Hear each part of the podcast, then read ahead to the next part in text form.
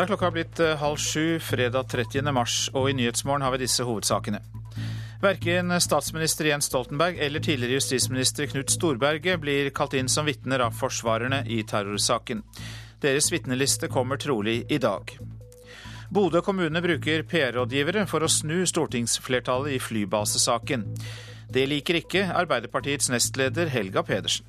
Jeg syns det er veldig trist eh, at Bodø kommune bruker skattebetalerne sine penger på denne måten. LO-sjefen tror lønnsoppgjøret kan bli vanskeligere enn for to år siden. Da forsvant en halv million arbeidsdager i streik. Apple bryter markedsføringsloven med sin reklame for iPad 3, mener Forbrukerombudet. Markedsføringen er villedende, eh, og villedende markedsføring er eh, ikke lov. Forbudt etter markedsføringsloven. Fagdirektør Petter Ravne Bukten hos Forbrukerombudet. Her i studio i dag, Øystein Heggen. Verken statsminister Jens Stoltenberg eller tidligere justisminister Knut Storberget blir kalt inn som vitner av forsvarerne i terrorsaken. Det sier Breiviks forsvarer Geir Lippestad. Det betyr at forsvarerne kommer til å legge mindre vekt på spørsmålet om beredskapen før, eh, var for dårlig før terrorangrepet, enn det de la opp til tidligere. Forsvarernes vitneliste blir trolig klar i dag. Lippestad sier det har vært mange diskusjoner mellom ham og Breivik. Det har vært en, eh, naturlig nok en diskusjon over, eh, over, en tid. Vi har forskjellig fokus. Vi har nok et rettslig fokus, selvfølgelig, på denne saken. Og vi er opptatt av hvilke vitner kan kaste lys over de rettslige spørsmålene. Mens han har et annet fokus, det er ingen hemmelighet. Så vi har hatt litt forskjellig syn på hvilke vitner som er relevante. Men vi er kommet frem til en vitneliste som, som vi er enige om. En stor jerndør åpnes ved Ila fengsel. Forsvarerne til Breivik er på vei inn. Vinduene i mursteinsveggene i fengselet kan så vidt skimtes utenifra. Der inne venter Breivik.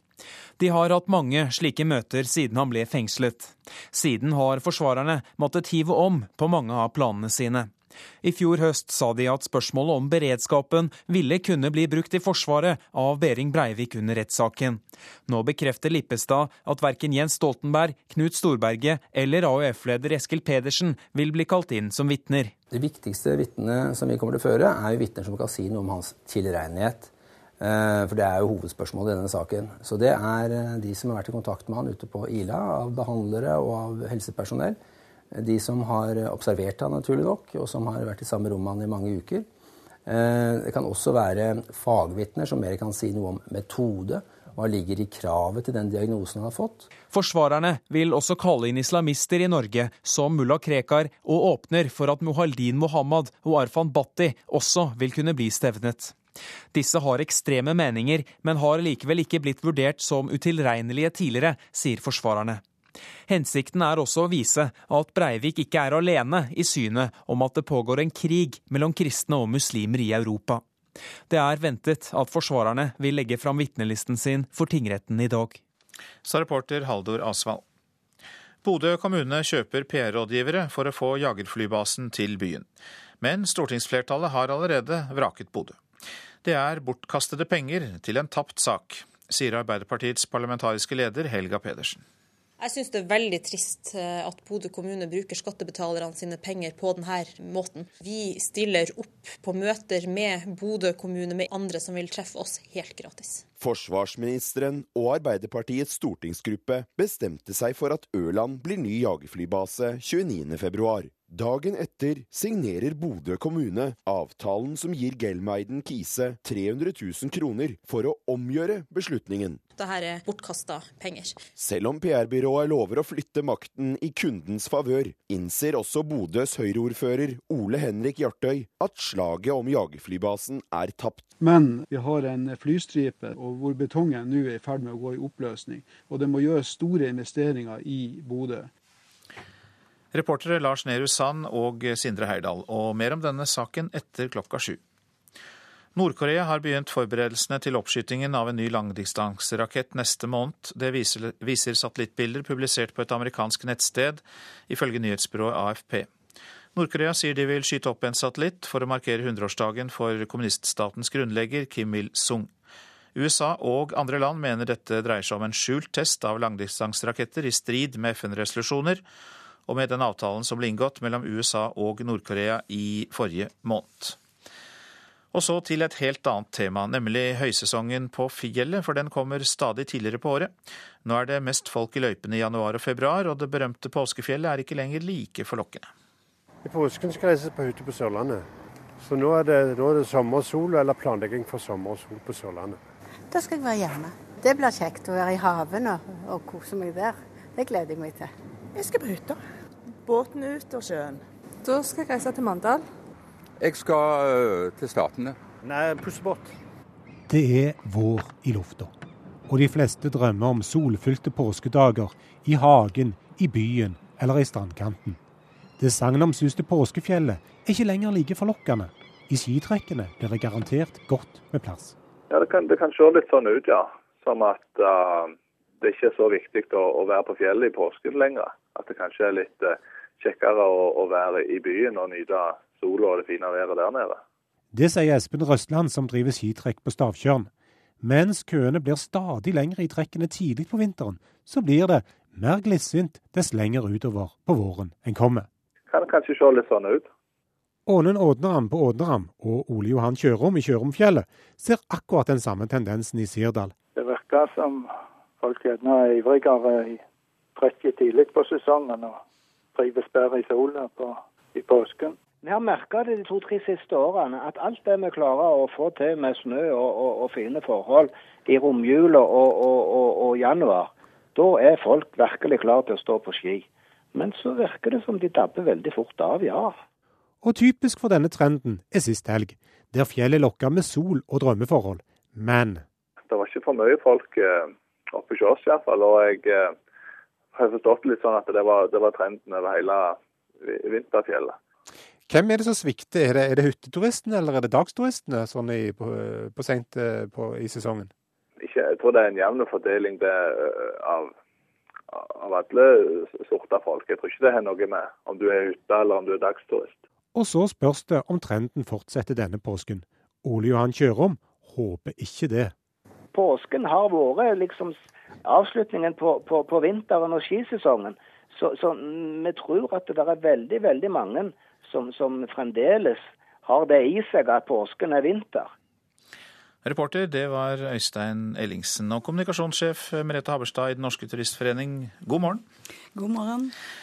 Ja, Vi hørte jo at folk eh, på Sør-Vestlandet lengter etter sol og varme, og ikke bare der sikkert. Eh, så gjelder det hele landet, tror du, at folk ikke trekker til fjellet som de gjorde før?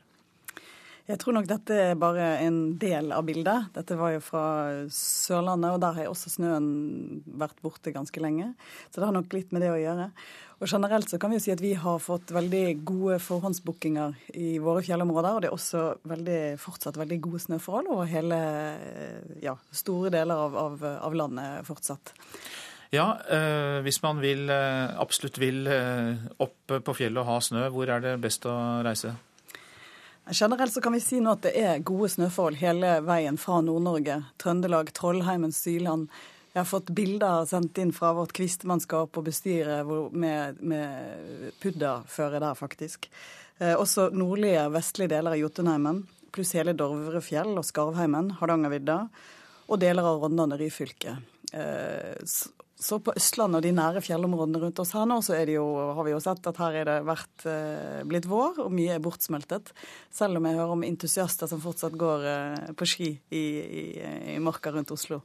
Ja, både du og jeg faktisk snakket om det før, før, vi gikk på lufta, men det har jo for så vidt ikke noe med denne saken å gjøre. Men hvordan er værutsiktene mm, for påsken? Nå er jeg på vei til Haukeli fjell fjellsel, og der står jeg at det er kuldegrader, og det har snødd i går kveld. Det er meldt kaldt hele uken, og det gjelder egentlig hele, alle fjellområdene i de sentrale fjellstrøk. Rundt 5-6 minus, helt nede i minus 17 på Finse faktisk, på, natt, på natten. Eh, og det er jo som vi liker nå. Nattefrost og litt snø på toppen, så blir det veldig flott. Eh, ja, det er da at det blir kaldt, men er det muligheter for at det blir nedbør også? Det jeg så sist på yr.no, var at eh, Og når jeg snakket for så vidt med hyttene i går kveld, eh, både på Hardangervidda og Jotunheimen, så snødde det lett der. Eh, og så vidt det ser ut, så kan det bli noe snø på søndag, tror jeg det så ut som. Men nei, Vi hørte jo her i dette innslaget om å være på Sørlandet og båten og sjøen og være hjemme og dra til utlandet, var jo noen stikkord. Er du litt bekymret for turlangrennets framtid?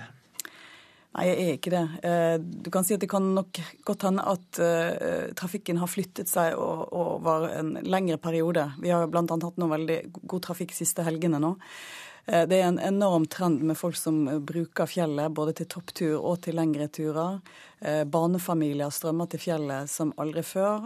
Så dette her med, med påskefjellet er også en, en, viktig tradisjon for veldig mange. Og det har, jeg har snakket med hytter som sier at de kunne ha fylt opp hytta flere ganger. Så, så, her er det nok et delt bilde. Det er noen som, som syns at dette er en viktig tradisjon å føre videre, og en, noe av det beste man gjør på denne tiden av året, å komme seg opp til fjells og få se snøen en gang til. Eh, mens andre velger noe annet. Ja, men Da fortsetter vi å bruke begrepet påskefjellet litt til, Merete Haverstad. La oss gjøre det. Takk skal du ha. Du er kommunikasjonssjef i Norske Turistforening. Da tar vi fatt på avisene og forsidene. Antall asylsøkere til Norge er halvert, selv om flere søker asyl i verden totalt sett. Det er oppslaget i Dagsavisen. Det kom over 17 000 asylsøkere til Norge i 2009, mens antallet i fjor var nede i 9000. Norsk asylpolitikk er for restriktiv, mener Norsk organisasjon for asylsøkere og Antirasistisk Senter. Nordmenn reiser mest i verden, skriver Dagens Næringsliv. Vi betaler gjerne store beløp for ekstreme opplevelser, som en tur til toppen av Kilimanjaro i Tanzania. Det er bildet bilde av 54 år gamle Marie Madeleine Larsen på Dagbladets forside med overskriften 'Pass deg for denne kvinnen'. Politiet går nå ut med advarsel mot henne etter at hun har svindlet utallige mennesker gjennom flere år og spredt rykter om sexovergrep. Foreldre tier om farskapet, skriver Aftenposten. Mange foreldre unnlater å fortelle sannheten om barn som er unnfanget med donorsæd. Årsaken kan være at sæddonorer ikke kan være anonyme, og barna har dermed rett til å få vite sitt biologiske opphav etter at de er fylt 18 år. Men nå vurderer regjeringen å endre reglene, skriver Aftenposten. Terrorsirkus i ti måneder er Klassekampens hovedoverskrift. En eventuell ankesak fra Anders Behring Breivik kan komme allerede i september, og dermed kan saken komme til å prege Norge resten av året. Solgte livsfarlig dop siden 2005, skriver Adresseavisen om flere av de mennene som er pågrepet i norgeshistoriens største politiaksjon mot dopingmiljøet. Politiet beklager at dette miljøet har kunnet holde på så lenge. Kameraovervåking av skoler for å hindre hærverk er tema for Stavanger Aftenblad i dag. Nesten 70% av skolene i Stavanger og Sandnes har slik overvåkning, men elevene ved Hana skole i Sandnes de sier nei. Liten klasse gir høy lønn, er oppslaget i Vårt Land. Går antall elever i grunnskoleklassene ned, gir det to gunstige effekter. Karakterene blir bedre, og lønna blir høyere når elevene går ut i arbeidslivet. Frykter framtida for lokalbutikken, skriver Nasjonen. Det er landets største dagligvarekjede, Norgesgruppen, som mener butikktilbudet blir dårligere på småstedene dersom forslagene fra Matkjedeutvalget blir vedtatt. Fordi de mener loven vil føre til dårligere innkjøpsvilkår. Og hva skal man kjøpe på Sverigetur? Grensehandel er VGs oppslag. Syklisten Alexander Kristoff tror han er nærmere en OL-plass etter sin første internasjonale seier i Belgia i går. Han mener spurtseieren i De beviste at han har noe i London-OL å gjøre, sammen med Norges to største sykkelstjerner. I OL så kan det fort bli en spurt, og da trenger du raske folk. Og jeg er jo sammen med Edvald og Tor Hushovd, så er jeg en av de raskeste i Norge. Så helt klart så forventer jeg en plass i OL. Det både håper jeg og tror jeg på. Etter å ha vært nær flere ganger, gikk 24-åringen endelig helt til topps i går. Selv om han føler han har bevist noe før, var det et gjennombrudd. Ja, det kan jo si at det er et gjennombrudd, men jeg har vært eh, prestert bra før og jeg er norgesmester, og det er jo også en stor prestasjon. Men eh, internasjonalt så er dette eh, et gjennombrudd for meg, ja. Norge har plass til tre syklister i OL-troppen. NRKs mangeårige sykkelkommentator Ove Eriksen mener Depanne-seieren viste at Kristoff fortjener en av de plassene. Jeg mener at dette her er en glimrende søknad fra Alexander Kristoff til å kjøre OL. Og når sportssjefen i Norges Sykleforbund er enig, ser det lovende ut for Norges nye toppsyklist. Steffen Kjærgaard lot seg imponere av seieren, men like mye av hele innsatsen i tredagersrittet. Jeg tror nok det er fordelaktig å vinne et sykkelløp med tanke på et eh, OL-uttak, men hvis man ser de siste tre dagene i en helhet, så har han allerede på en måte bekreftet at han er på det nivået på en skikkelig måte. Foran denne sesongen valgte Alexander Kristoff å bytte lag fra amerikanske BMC til russiske Katusha. I går ble det ham laget kjørte for da han sa at han følte seg i form. Nå håper han det blir flere slike muligheter. Hvis jeg er i bra form, så kommer jeg nok til å få flere sjanser, helt klart. Eh, nå har jeg vist at eh, jeg sa før start på dette løpet at jeg følte meg bra, og da fikk jeg sjansen. Og jeg har tatt sjansene mine bra, så laget er veldig fornøyd med meg sånn sett. Og hvis jeg sier at jeg er bra igjen de neste løpene, så har de nok tiltro til at jeg er bra og at jeg får flere sjanser. Det sa Alexander Kristoff til reporter Bengt Eigil Ruud. Ja, du lytter til eh, Nyhetsmorgen, og vi har disse hovedsakene. Verken statsminister Jens Stoltenberg eller tidligere justisminister Knut Storberget vil bli kalt inn som vitner av Forsvaret i terrorsaken. Bodø kommune bruker PR-rådgivere for å snu stortingsflertallet i flybasespørsmålet. Og vi skal snart høre at Apple bryter markedsføringsloven med sin reklame for iPad 3. Det mener i hvert fall Forbrukerombudet. Og nå har klokka passert 6.46. LO-leder Roar Flåten syns eh, årets lønnsoppgjør har fått en vanskelig start. Håpet om enighet mellom ansatte og arbeidsgivere uten at det blir streik, er dermed mindre enn for to år siden. Da endte lønnsoppgjøret med tolv konflikter og en halv million tapte arbeidsdager. Når arbeidsgiverne har vist så manglende vilje til å være med og finne noen løsninger i forhandlingene, så kommer jo bruddet i forhandlingene kanskje noe tidligere enn man hadde forventa, men det er, altså, illustrerer jo alvoret i situasjonen. Da lønnsforhandlingene brøt sammen onsdag, var det tidligere enn mange ventet, inkludert LO-lederen. Derfor er jo spenningen rundt denne meglinga veldig stor. For dette, det resultatet her vil også få følger for de som kommer etter. Og selv om LO-sjefen vil være varsom med å blande seg inn i lønnsoppgjørene, sier han at det ser ut til å bli vanskeligere å nå enighet uten konflikt i år enn ved siste hovedoppgjør. Det var for to år siden, og det endte med tolv konflikter og en halv million streikedager. Det er alltid vanskelig å forutsi om det blir streik i det hele tatt. Forrige oppgjør så kan vi konkludere i ettertid at eh, da fikk vi flere konflikter enn det man kanskje tenkte seg. Og vi fikk store konflikter. KS-området innenfor transport. Så det, det blei en uh, tøff vår sist gang.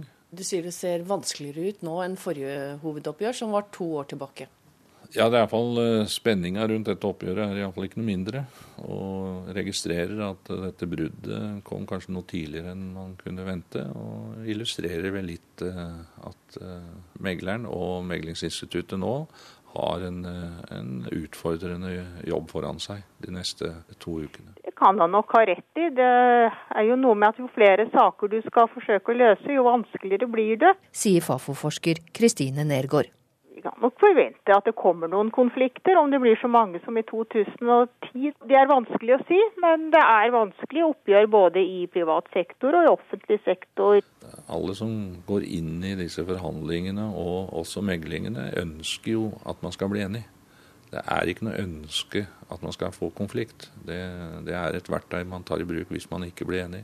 Men det ligger en del, alltid noen sånne konfliktområder. Og det er klart hvis arbeidsgiverne blir for stibeinte og, og lite forhandlingsvilje, og, og sånn, så, så, er det klart at de kan jo bidra til at det blir konflikt. da. Ja, Det sa LO-leder Roar Flåtten til reporter Hedvig Bjørgum. Barneminister Inga Marte Thorkildsen lover mer hjelp til kommunale barnevernstjenester som havner i internasjonale konflikter. Men kommunene må fortsatt ha hovedansvaret, sier hun. Det vi vil, det er jo både å informere internasjonalt og overfor andre lands representanter i Norge om hva barnevernet gjør på prinsipielt nivå, eh, og hva barnevernet ikke gjør. Eh, og så er vi opptatt av at de lokale barnevernskontorene skal få god støtte i arbeidet sitt. I går fortalte NRK om barnevernssaka i Stavanger som ble internasjonal storpolitikk. Det ble rasende demonstrasjoner og kritiske medieoppslag i India etter at barnevernet plasserte to indiske barn i Stavanger i beredskapsheim. Shock, outrage and anxiety. Saka har vært på agendaen til både den indiske presidenten og statsministeren. Regjeringa der har sendt utsendinger til Norge. Motpart et kommunalt barnevernkontor i Stavanger. Kommunalt barnevern kan ikke vurdere norske handelsinteresser altså når vi sitter og vurderer situasjonen for barn. Kommunen og barneombud Reidar Gjerman mener det er uholdbart at en norsk kommune må forhandle med ei supermakt. Det må ei slags utenrikstjeneste til, sa de i går, og utfordra barneministeren. Nå lover den ferske statsråden mer hjelp og støtte, men det endelige ansvaret må fortsatt barnevernet i hver enkelt kommune ha, sier Torkildsen. Det vil være veldig galt og uryddig hvis eh, eh, departementet skulle gå inn i konkrete enkeltsaker og overta dem. Eh, da vil vi få store problemer i etterkant, og det eh, vil ikke bidra til eh, en enklere situasjon for barnevernet. Og reporter her, Håvard Grønli. DNA-svar i overgrepssaker kan nå komme raskere. Universitetet i Tromsø har gitt DNA-laboratoriet der nok penger til å starte. Politiet over hele landet har ofte måttet vente i flere måneder på DNA-analyser fra Folkehelseinstituttet i voldtektssaker. Men nå regner prosjektleder og professor Lars Ulin Hansen i Tromsø med at deres laboratorium skal være i gang i løpet av året. Eh, når vi nå får eh, åpnet laboratoriet i Tromsø, så vil eh, vi kunne ta imot prøver fra hele landet. Og vi må da forvente at svartiden vil gå ned i forhold til i dag. I dag er det bare Folkehelseinstituttet som analyserer biologiske spor i forbindelse med kriminalsaker. En undersøkelse nrk.no har gjort, viser at mange politidistrikt er frustrert over dette, fordi DNA-bevisene blir lagt i kø. DNA-laboratoriet i Tromsø har stått klart siden våren 2010, men fordi de manglet fem millioner kroner til et datasystem som knytter dem til DNA-registeret og Kripos, har de ikke vært operative. Nå valgte universitetet selv å bevilge disse pengene. I tillegg til at eh, vi skal analysere prøver fra politiet, så eh, vil jo det bli en eh, betydelig forskningsaktivitet og også undervisning knytta til rettsgenetikk. Eh, I tillegg så blir det et større fagmiljø som eh, hele landet vil nyte godt av. I en rapport som Justis- og politidepartementet fikk utarbeidet for tre år siden, gikk det klart fram at et DNA-laboratorium i Tromsø ville sikre rettssikkerheten. Det er av og til behov for en second opinion, står det i rapporten. Få en uh, separat uavhengig vurdering fra et annet laboratorium vil være viktig for rettssikkerheten. Ja, det sa professor ved Universitetet i Tromsø Lars Ulin Hansen. Politiet kunne ikke kommentere hva virkningene kan bli av at det nå blir to miljøer for DNA-analyse her i landet. Reporter var Kristine Østvold. Apple bryter markedsføringsloven med sin reklame for iPad 3. Datagiganten reklamerer med at du kan bruke det nye nettbrettet til å surfe på det raske 4G-nettet, men det finnes ikke i Norge. Her i landet har vi bare 3G-nett, og nå krever Forbrukerombudet at Apple lager en ny reklame. Det er jo dette her vi reagerer på. Eh, at de bruker eh, pluss 4G og neste generasjons trådløs for det kan du ikke få i Norge. Fagdirektør Petter Ravne Bukten i Forbrukerombudet viser en norsk nettreklame for den nye iPad. Der skryter Apple av at du med iPad kan surfe superraskt på internett ved hjelp av mobilteknologien 4G LTE. Problemet er bare at dette mobilnettet kun er tilgjengelig i USA og Canada, mens vi her i Norge fortsatt surfer på 3G. Markedsføringen er villedende, eh, og villedende markedsføring er eh, ikke lov. Eh, forbudt etter markedsføringsloven. Her. I en fotnote nederst på den ene siden, etter du har klikket deg inn et par eh, klikk. Apple informerer riktignok om at det raske nettet ikke finnes i Norge, i en fotnote på nettsidene. Det er ikke godt nok, mener Forbrukerombudet. Nå har ombudet sendt et brev til Apple i Norge, der de krever at Apple endrer reklamen. De er nødt til å endre den markedsføringa eh, de har eh, på, på, de norske sidene sine, sånn at dette blir fremstilt riktig. Det er klart det er litt misledende, det er det. De, de kunne skrevet en 3G pluss eller et eller annet, og funnet på et eller annet annet. Det burde de sikkert ha gjort. Så det, det, er klart det er feil å skrive 4G det, når det ikke er det. Sebastian Sverd selger iPad i en ekspertbutikk i Oslo, og informerer alltid kundene om at 4G ikke finnes i Norge. Eh, sort, eller? Sort, ja. Nå er det Mirnes Dinarevik som vurderer å kjøpe den nye iPad i butikken selv om han vet at han ikke får brukt det raske 4G-nettet i Norge. Ja, jeg visste det rett fra første releasedatoen at det var ikke mulig. Man leser litt på forumer og sånt. Så hvis man holder seg litt oppdatert, så vet man. Men det er litt trist at de reklamerer til folk som ikke har oss oppdatert. Forbrukerombudet ser markedsføringen for iPad som en viktig test i en bransje der stadig ny teknologi skal selges. Vi kommer til å følge nøye med på markedsføringen i den bransjen, eh, og vil, vil også da slå ned på aktører som eh, lover mer enn de kan holde. Og Apple ønsker ikke å kommentere saken overfor NRK. Reporter var Ida Kvitingen. Så et værvarsel. Fjell i Sør-Norge først. Sterk kuling utsatte steder. Snøbyger eh, vesentlig nord for Finse. Østland og Telemark kan regne med delvis skyet, stort sett oppholdsvær i dag. Seint i kveld blir det liten kuling på kysten. I Agder blir det liten kuling på kysten også der. Stiv kuling vest for Lindesnes og til dels pent vær. Rogaland på kysten periodevis stiv kuling, stort sett opphold. Hordaland og Sogn og Fjordane. Enkelte regnbyger, snø over 600 meter. I kveld kan det bli snø over 300 meter. I kveld oppe i stiv kuling på kysten. Det var altså Hordaland og Sogn og Fjordane. Møre og Romsdal får nordvestlig liten kuling i dag, sludd og snøbyger. Så er det Trøndelag. Nordvest periodevis sterk kuling på kysten, minkende til liten kuling. I kveld nordlig. Sludd og snøbyger. Nordland, Troms og Vest-Finnmark. Av og til liten kuling på kysten. Snøbyger. Vesentlig i ytre strøk av Nord-Troms og i Vest-Finnmark. Så var det Øst-Finnmark. Nordlig liten kuling. Øking til nordvest periodevis stiv kuling og snøbyger. Nordensjøland på Spitsbergen. Stiv kuling utsatte steder, men stort sett oppholdsvær. Temperaturer målt klokka fem. Svalbard lufthavn minus tolv. Kirkenes minus 10, Vardø minus 4. Alta minus elleve. Tromsø-Langnes minus 5 grader.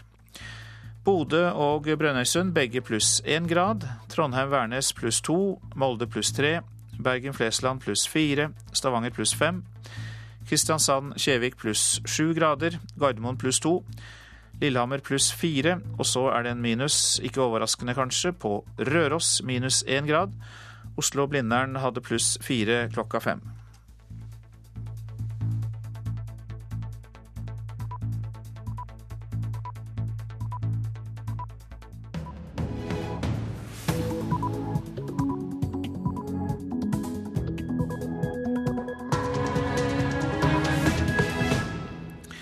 Ja, P2s Nyhetsmorgen heter programmet, og klokka er nå sju. Her er Øystein Heggen i studio i dag med en nyhetsoppdatering. Norge gir 3 milliarder kroner til bevaring av regnskogen, men Det sjokkerende er jo at den samme regjeringen tillater at oljefondet bruker 27 ganger så mye penger på å ødelegge regnskogen som vi bruker på å ta vare på regnskogen. Det sier leder i Regnskogfondet i Norge, Lars Løvold. Bodø bruker PR-rådgivere for å snu stortingsflertallet for å få jagerflybasen til byen likevel. Jeg syns det er veldig trist at Bodø kommune bruker skattebetalerne sine penger på denne måten. Arbeiderpartiets parlamentariske leder Helga Pedersen. Verken statsminister Jens Stoltenberg eller tidligere justisminister Knut Storberget blir kalt inn som vitner av forsvarerne i terrorsaken. I Egypt er det økt spenning mellom hæren og Det muslimske brorskap. Søndag er det valg i Myanmar med fredsprisvinner Aung San Suu Kyi blant kandidatene. Og det berømte påskefjellet er ikke lenger like forlokkende på alle oss nordmenn. I påsken skal jeg reise på hytte på Sørlandet. Så nå er, det, nå er det sommersol eller planlegging for sommer og sol på Sørlandet. Da skal jeg være hjemme. Det blir kjekt å være i haven og, og kose meg der. Jeg skal på hytta. Båten ut og sjøen. Så nå er det mer høysesong på fjellet i januar og februar. Norge har forpliktet seg til å redde regnskogen, men har investert nesten 30 ganger mer i industri som skader verdens regnskoger. Det viser en rapport fra Regnskogfondet. Hele 82 milliarder har Norge investert i industriprosjekter i regnskogene, men bare bevilget 3 milliarder til regnskogbevaring. Og det er skammelig og uetisk, sier leder i Regnskogfondet i Norge, Lars Løvold. Dette er altså helt uakseptabel virksomhet som det norske folk ikke ønsker at deres pensjoner skal være avhengig av. Norge hadde ved utgangen av 2011 gjennom oljefondet investert 82 milliarder kroner i sju bransjer som skader verdens regnskoger. Det viser rapporten fra Regnskogfondet. Det er nesten 30 ganger mer enn pengene de brukte på tiltak som tar vare på regnskogen. De store synderne er bl.a. hogstindustrien, palmeoljeindustrien og gass- og oljeutvinning i regnskogen. Regnskogfondet mener Stoltenberg nå må rydde opp og holde internasjonale avtaler om å hindre avskoging. Den norske regjeringen er kjent verden rundt for å ta vare på regnskogen. Har blitt en verdensleder på det området og fått veldig mye velfortjent skryt. Men det sjokkerende er jo at den samme regjeringen tillater at oljefondet bruker 27 ganger så mye penger på å ødelegge regnskogen som vi bruker på å ta vare på regnskogen. Og det gjør vi for å sikre våre egne pensjoner på bekostning av verdens fattigste mennesker og på bekostning av verdens rikeste natursystem. Daglig leder Lars Løvold sier at det ikke er nok med en enkel gjennomgang i Etikkrådet av de 73 selskapene i rapporten. Omfanget av investeringer i verstingbransjer når det gjelder regnskog, er så omfattende at det rett og slett ikke er mulig for Det etiske rådet å rydde opp i dette. Her må vi ha en helt ny tilnærming. Jens Stoltenberg må umiddelbart gripe inn, fortelle Sigbjørn Johnsen at disse investeringene må slutte. Oljefondet må trekke seg ut av all virksomhet som ødelegger regnskogen. Og hvis ikke, så betyr det at vi ikke har sjansen til å lykkes med vår regnskogsatsing. Statssekretær Hilde Singsås i Finansdepartementet sier de hele tida arbeider for å utbedre retningslinjene, og at de nå skal se på rapporten. Vi har akkurat fått den. Eh, vi skal sørge for at også Norges Bank og Etikkrådet eh, får rapporten. Eh, og så får vi avvente eventuelle tilrådninger fra Etikkrådet dersom det avdekkes brudd på våre etiske retningslinjer. Jeg mener vi har et etisk regelverk som står seg godt. Norge høster anerkjennelse internasjonalt for det arbeidet vi gjør med ansvarlige investeringer. Og det er et arbeid vi legger stor vekt på, både i departementet og i Etikkrådet og i Norges Bank. Men så er jo dette et område hvor vi aldri kan sette punktum. Vi jobber hele tiden med å se om vi kan gjøre forvaltningen enda bedre. Reporter, det var Tone Gullaksen. Og eh, velkommen Atle Midthun. Du er professor ved Institutt for innovasjon og økonomisk organisering på BI, og arbeidet med investeringer og samfunnsansvar, og leder Senter for bedriftens samfunnsansvar ved BI. Så hva eh, mener du om denne rapporten? Mener du at man faktisk må inn med statsministeren og få en helt ny løsning og helt nye regler? Vel, Denne rapporten peker på et reelt dilemma som Norge er oppe i stadig vekk. Vi har hatt det i utviklingshjelp Terje Tvedt har snakket om eh, det norske godhetsregimet, hvor vi forskrever oss på en måte mellom realiteter og, og, høye idealer. Vi har hatt den i utenrikspolitikken, og vi får den nå i investeringspolitikken. Så rapporten peker på et reelt dilemma, men det er ingen enkel løsning. Men er det likevel en løsning, hvis vi bruker en del eh, tid og krefter på å finne en løsning? Ja, altså Jeg har hevdet helt siden vi fikk de etiske retningslinjene, og vi hadde en del debatt om det på eh, midten av 2000-tallet, eh, at eh, man burde vært mye mer ambisiøs. Nå, nå, har jeg ikke argumentert for å sette hele oljeformuen på spill, men at man burde skille ut et lite fond eller flere små fond og drive innovasjon for å se om man kan komme lenger og bruke mer avanserte kriterier for samfunnsansvarlige investeringer. Det har ikke skjedd. Eh, man har holdt seg til et veldig restriktivt regime. Veldig eh, på etterskudd, eh, stort sett, i forhold til virkeligheten. Og det er det som synes nå. Så jeg syns dette er enda et godt argument for å sette i gang trinn to, trinn tre, trinn fire. Og jeg er ikke enig med Eh, eh, representanten for Finansdepartementet om at man har vært ambisiøs her. Jeg siterer Svein Aaser, tidligere eh, direktør i DNB, som sier at det har vært minimal satsing på avansert finanstenkning rundt dette fondet i Norge. Vi har bygget opp en oljeteknologikompetanse rundt oljen, men vi har ikke bygget opp noe som ligner noe på denne fronten. For Dette er jo et konkret forslag fra deg, at man da tar ut eh, deler av fondet og setter det av til mer etiske investeringer og prøver seg fram der. Det er jo konkret noe politikerne kan forholde seg til? Ja, for det finnes nemlig altså i hvert fall en, en fire tilnærminger i denne bransjen med etiske investeringer. Det ene er det vi kaller negative screening, altså at du plukker ut verste, de verste eksemplene, og gjerne det, på etterskudd. Det har jo Norge gjort. Det er det Norge driver med nå. Så har du muligheten for å gå inn i en positiv screening, hvor du velger de beste selskapene. Jeg vet at bl.a. Storebrand i en del av sine investeringsporteføljer har såkalt best in class-praksis, hvor de plukker vinnerne både på finans og på sosiale og miljømessige indikatorer. Og det gjør ikke oljefondet? Det gjør ikke oljefondet i det hele tatt. og Sånne ting burde de åpenbart ha eksperimentert mer med. Status i, i mm, forskningen så langt er at det går an å praktisere det og tjene like gode penger. Så kan man gå enda videre og begynne å integrere eh, miljøhensyn og sosiale hensyn helt inn i kjernen av finanstenkningen og, og utvikle strategier på det. Men her ligger oljefondet på en veldig tradisjonell linje med et minimalt regime. Dette var eh, muligheter som oljefondet har for å endre profil og endre arbeidsmetode. Mange takk for at du kom i studio, Atle Midthun, professor ved Institutt for innovasjon og økonomisk organisering på BI. Bodø kommune kjøper PR-rådgivere for å komme i kontakt med politikere i Oslo. For selv om stortingsflertallet ikke vil ha jagerflybasen i Bodø, så vil ordføreren ha omkamp. Men det er bortkastede penger på en tapt sak, sier Arbeiderpartiet.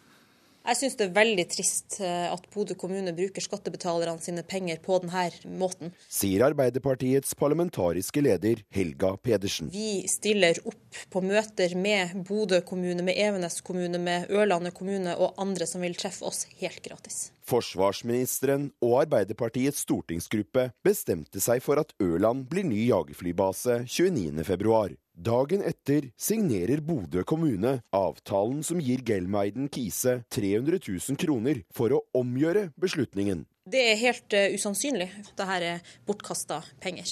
Til en tapt sak? Ja, eh, fordi at eh, vår stortingsgruppe eh, har konkludert. Selv om PR-byrået lover å flytte makten i kundens favør, innser også Bodøs Høyre-ordfører Ole Henrik Hjartøy at slaget om jagerflybasen er tapt. Når det gjelder valget i forhold til Bodø-Ørland, så tror jeg at det er svært lite sannsynlig. Men eh, eh, vi har en flystripe som eh, ble bygd i 1952 eh, i betong, og hvor betongen nå er i ferd med å gå i oppløsning. Og det må gjøres store investeringer i Bodø. Så har det også vært eh, viktig for oss å kommunisere ut Bodøs behov. Og Bodø kjøper kontakt med myndighetene gjennom denne mannen. Jeg selger min kunnskap til Gelmein Kise, helt riktig. Som kommunikasjonsrådgiver så jobber Even Westervell er ikke bare PR-rådgiver. Han er også andre vararepresentant til Stortinget for Oslo KrF. Han har møtt på Stortinget i denne perioden. Men i en e-post til NRK avviser han at dobbeltrollen er problematisk. Dersom jeg hadde blitt kalt inn til Stortinget som andre vara, ville jeg naturligvis ha meldt meg inhabil i denne saken, i henhold til min avtale med KrFs stortingsgruppe. Like overbevist er ikke Stortingets president, Dag Terje Andersen, som på generelt grunnlag sier Jeg syns den tendensen til at veldig mange etter hvert går til en bransje som per definisjon skal påvirke politikerne, jeg syns ikke det er noe særlig heldig. Men ordfører Hjartøy mener uansett at PR-regningen har vært rett bruk av skattebetalernes penger. Det var byrået som tok eh, kontakt eh, med oss. Vi har fått eh, bistand i forhold til pressekonferanse, vi har fått bistand i forhold til kronikkstrategier på dette. Og det, vi i alle fall på det strategiske så har, vi, har dette vært nyttig for oss. Ja, det var eh, Lars Nehru Sand og Sindre Heyerdahl som var eh, reportere her. Og sjefredaktør i avisa Nordland, Jan Eirik Hansen, velkommen. Takk for det. Du er i studio i eh, Bodø, og her hører vi altså at Bodø kommune har betalt for noe de kunne fått gratis, så da er det jo ikke noe rart at lobbybransjen er en vekstnæring? Nei, eh, det er jo litt symptomatisk dette for, eh, for Bodøs eh, og Nordlands innsats i denne saka, at man kommer altfor sent på banen. Og når slaget er tapt, engasjerer man lobbyhjelp. For jeg er helt enig med Helga Pedersen, dette slaget er tapt, dessverre. Og, og da må man rette blikket opp og frem og se hva man skal få tilført av andre alternative arbeidsplasser, og hvordan man skal utvikle Bodø på andre områder. Men hvorfor tror du da at kommunen likevel har brukt penger på privat konsulenthjelp? Nei, Ordføreren eh, snakka litt om eh, rehabilitering av rullebane og sånt. og Bodø har et, eh, en veldig stor utfordring, og det er å få flytta rullebanen. og Det behovet er faktisk større når man tapte kampflybasen for utvikling av byen til, til andre formål. Eh, men det, det, hører, det, er litt uklart for meg, for å si det rett ut, eh, hvorfor man nå har engasjert Gøylen Kise dagen etter at slaget er tapt. Man burde, I den grad man skulle gjøre det, så, så burde man jo engasjert hjelp lenge, lenge før beslutninga tas. Ja, Du er jo pressemann og redaktør for avisa Nordland. og Hva mener du prinsipielt om kommuners bruk av PR-byråer og lobbyister, som de har gjort i Bodø? Eh, jeg registrerer jo at uh, i denne saka så er det vel eh, Ørland som først og fremst har brukt lobbyister. Bodø har ikke brukt ekstern lobby, hatt ekstern lobbyhjelp inntil slaget var tapt, mens Ørland har hatt hjelp over lang tid. jeg tror ikke det har vært avgjørende i denne saka, men generelt så, er det jo et problem at at uh, folk som, som uh, står veldig nært statsapparatet, statsapparat, regjeringa, kolleger, tidligere kolleger, og som vi hører i dette tilfellet en som, som også har en politisk virke, det, det, da begynner det å bli veldig tett og, og nært. Og, og vi ser jo at det Antallet journalister går ned i Norge, og antallet lobbyarbeidsplasser går opp, og det er betenkelig. For å ta eh, Bodø igjen. altså hvor eh, Var det slik at eh, man tok det for gitt nærmest at man skulle ha denne flybasen i, i Bodø? Ja, altfor lenge. Bodø har levert kvalitet i 60 år. Bodø holder til i, i nordområdene. og Eh, men eh, i Bodø og i Nordland så trodde man at dette var politisk umulig, også i lys av den sterke nordområdesatsinga som, eh, som regjeringa har brukt mye tid og, og retorikk på. Dermed så, ante, så regna man med at det var umulig å flytte Eh, flyene ut av eh, landsdelen, når, eh, samtidig som man var, hadde veldig sterke, store utfordringer i nordområdepolitikken og med alt det som skjer i nord i forhold til ressurskammer, olje, gass, åpne fartsleder, russere som, som også rusta opp i nord. Sånn at dette Bodø kom rett og slett altfor sent inn på banen. Man trodde dette var umulig, og når man da kom inn på banen, så var faktisk mye av handlingsrommet låst fordi at eh, det var inngått allianser mellom Ørland, eh, som har jobba veldig godt veldig lenge, og Troms, eh, som også har fått veldig mye ut av, av forsvarspakken. Så, så det, kan si, det er Bodø og Mågerø som er de store taperne, men ellers er det veldig mange som er godt fornøyd rundt om i landet med forsvarsmeldinga. Mange takk skal du ha, sjefredaktør i avisa Nordland, Jan Eirik Hansen. Dette er Nyhetsmorgen, og klokka har passert kvart over sju. Dette er hovedsakene. Norge har forpliktet seg til å redde regnskogen, men har investert nesten 30 ganger mer penger i industri som skader regnskog.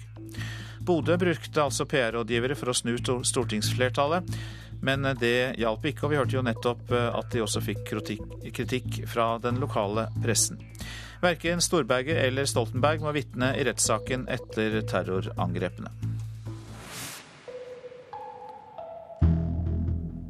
Fredsprisvinner Aung San Suu Kyi forbereder seg til søndagens suppleringsvalg i Myanmar. Hun er en av kandidatene og møtte i morges internasjonal presse. Og du var der, Anders Magnus, vår Asia-korrespondent. Hvilket inntrykk fikk du av denne pressekonferansen?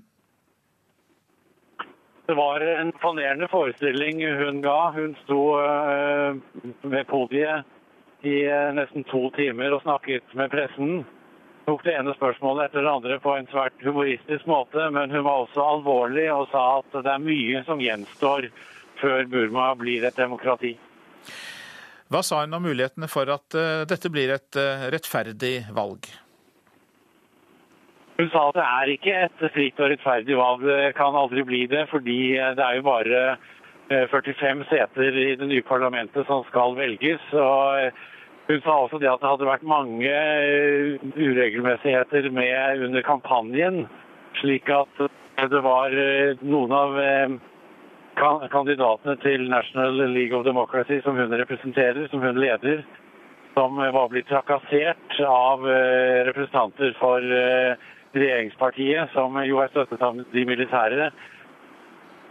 Eh, likevel at eh, vi vil forsøke oss på eh, å samarbeide med dem. Vi vil forsøke å ta disse små skrittene videre mot demokrati. Hun ble spurt på en skala fra én til ti hvor er demokratiet i Burma nå, eller Myanmar. Og da sa hun vi prøver å nå én. Da har man en vei å gå. Eh, Aung San Suu Kyi har jo nytt stor respekt i utlandet, har stått som en søyle som opposisjonens representant i hjemme. Eh, Anders Magnus, hører du meg? Ja, du tror, jeg, du tror du må gjenta spørsmålet. Det er litt dårlig eh, forbindelse med satellittelefonen. Ja, da skal jeg gjøre det kort. Eh, hvor stor oppslutning har hun i Burma blant folk flest nå? Jeg tror hun har veldig stor oppslutning, men det har jo ikke vært noen uh, meningsmålinger her. Men hvis vi ser på den oppslutningen hun har hatt uh, når hun har reist rundt og drevet kampanje, så uh, virker det som om NLD, hennes parti, kommer til å få svært mange stemmer. Men selv om de skulle vinne absolutt alle, så er det likevel en liten minoritet i parlamentet hvor også en fjerdedel av setene er reservert for militære offiserer og delegater. Så det, det, blir jo ikke noen eh, rettferdig og demokratisk nasjonalforsamling etter dette. Det kan man håpe kan skje eh, ved det nye eh, allmenne valget i 2015, men ikke før det. Sa hun noe om hun kan komme til Norge og motta Nobels fredspris? Jeg spurte henne om det, om hun hadde satt noen dato for når hun skulle til Norge og levere sin nobelforelesning. Og Da svarte hun at det hadde ikke hatt tid til å tenke på ennå. Hun hadde ikke engang begynt å skrive nobelforedraget, sa hun. Så det henger fortsatt i luften. Mange takk skal du ha, Asia-korrespondent Anders Magnus, som altså var på fredsprisvinner Aung San Suu Kyis pressekonferanse nå i, i Myanmar, Burma. Spania er klar til å legge fram det tøffeste budsjettet noensinne. Det sier en talsmann for regjeringen, dagen etter en generalstreik som lammet bl.a. all transport. Den vestafrikanske samarbeidsorganisasjonen ECOWAS har gitt militærjuntaen i Mali 72 timer på å gi fra seg makten. Hvis ikke vil ECOWAS gjennomføre sanksjoner med stenging av grensen og frysing av Malis midler i utlandet. Japan kommer til å skyte ned raketten som Nord-Korea planlegger å skyte opp dersom den nærmer seg japansk luftrom. Raketten skal etter planen skytes opp om to uker, og nye satellittbilder viser at klargjøringen er i gang. I Honduras omkom 13 fanger da det brøt ut uro i et fengsel. Drapene skjedde da fangene sloss seg imellom. Forrige måned omkom 360 fanger under en brann i et annet fengsel i Honduras. I Egypt begynte parlamentet i går arbeidet med et mistillitsforslag mot regjeringen. Det muslimske brorskapets parti, Frihet og rettferdighetspartiet, dominerer parlamentet i Egypt. Og det er nå økt spenning mellom hæren, som fortsatt styrer landet, og den islamistiske opposisjonen. Det var intense scener i det egyptiske parlamentet i går. Folkevalgte kritiserte regjeringen ledet av statsminister Kamal al-Ghansouri i harde ordelag, og beskyldte den for manglende kompetanse og å kaste bort offentlige midler. Seks regjeringsmedlemmer svarte med å forlate forsamlingen.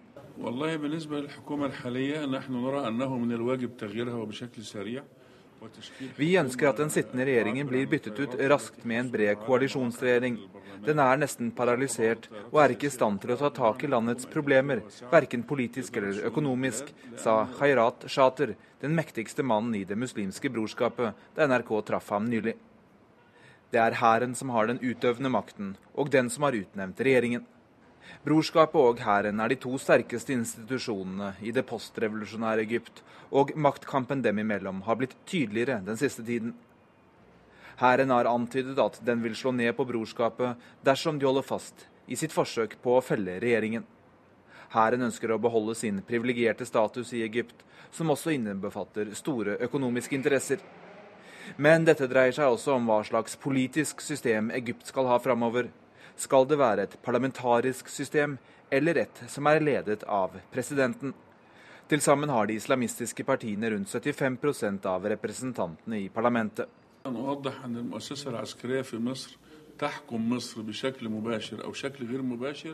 De væpnede styrkene har regjert landet i over 60 år.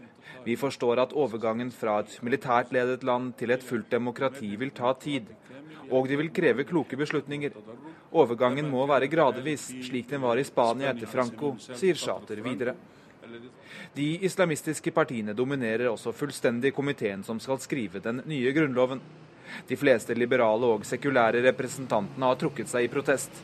Det berømte muslimske lærestedet Al-Azhar har også trukket sin representant, fordi det mener at dokumentet som de skrev om Grunnloven, ikke blir respektert av grunnlovskomiteen. Etter planen skal Grunnloven være klar innen det avholdes presidentvalg i Egypt i slutten av mai. Sigurd Falkenberg Mikkelsen, Kairo.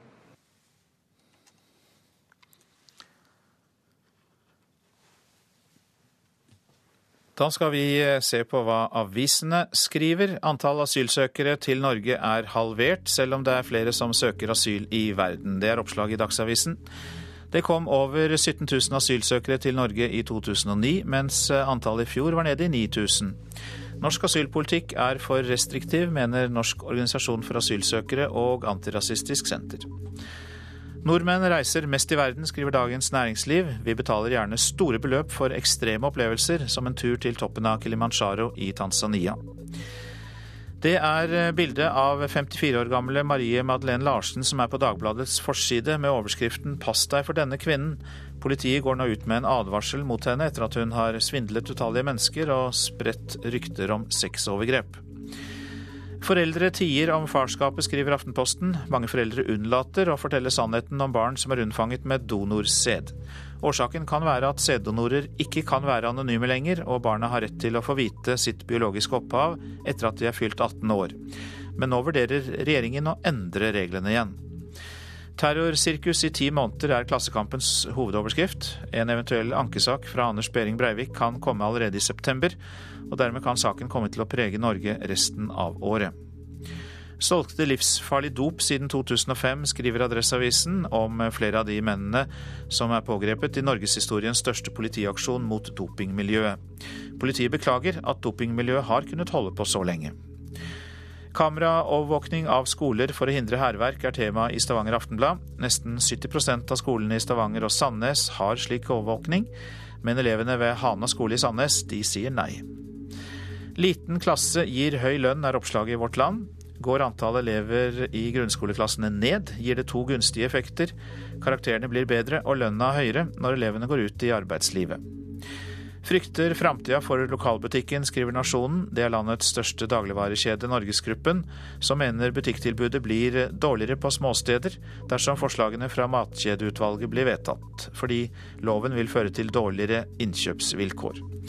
Og hva man skal kjøpe på sverigetur, ja det er eh, oppslaget om grensehandel i VG. Brannvesenet er en av de få gjenlevende mannsbastioner i yrkeslivet. Det er et nasjonalt mål at brannetaten skal bli mer mangfoldig og bedre speile befolkningen. I Drammensregionens brannvesen har de jobbet lenge for å få flere kvinnelige brannkonstabler, men uten særlig hell.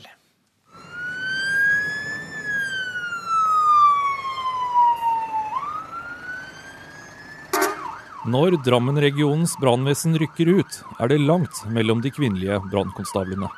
Totalt står 180 brannkonstabler på lønningslista. Blant de så er det for tiden ingen kvinner. Det forteller Karin Solberg, som er avdelingssjef for administrasjonsavdelingen i brannvesenet i Drammen. Situasjonen er likedan for resten av landet. En undersøkelse viser at kvinneandelen blant brannkonstabler er på kun 3,7 det ønsker etaten å gjøre noe med. Det viser seg i andre yrkesgrupper også, hvor eh, kvinner har kommet inn, at det har vært positivt for yrket generelt og for arbeidsmiljøet generelt. Sånn sett så mener vi at det er viktig å få inn kvinner i eh, brannkonstabelyrket også. Men utfordringene står i kø for å øke kvinneandelen. Det er svært få kvinner som ønsker seg inn i brannvesenet, sier Rune Rue Johnsen, som er seksjonsleder i Drammen. Der tror jeg vi må ut og reklamere og synliggjøre hva, hvilke fordeler det er å kunne være brannkonstabel. Det er dessuten uenighet innad i brannvesenet om de fysiske opptakskravene er for tøffe for kvinner. Tøyet vårt veier da 5 kilo. Vi har en sekk på ryggen som veier da 18. Det er da totalt 23 kilo som vi har belastning når vi går. Gjermund Nymoen er leder for fysisk testing av brannkonstabler. Alle må gjennom en årlig test, og alle søkere til ledige stillinger må også gjennom en tilsvarende test. Masse spreke damer der ute som uh, vil kjøre greit gjennom denne testen med litt uh, ordentlig trening. De fysiske kravene er ett av temaene som belyses i en rapport Direktoratet for samfunnssikkerhet og beredskap har oversendt Justisdepartementet. Rapporten tar i tillegg for seg bl.a. utdanning og myter rundt yrket. Direktoratet foreslår å opprette et eget pilotprosjekt for å sette søkelyset på problematikken. Et slikt prosjekt vil brannvesenet i Drammen gjerne være med på. Vi ønsker virkelig å få drahjelp for å bli enda flinkere på å først og fremst antagelig å markedsføre brannkonstabel eh, som en kvinnelig arbeidsplass.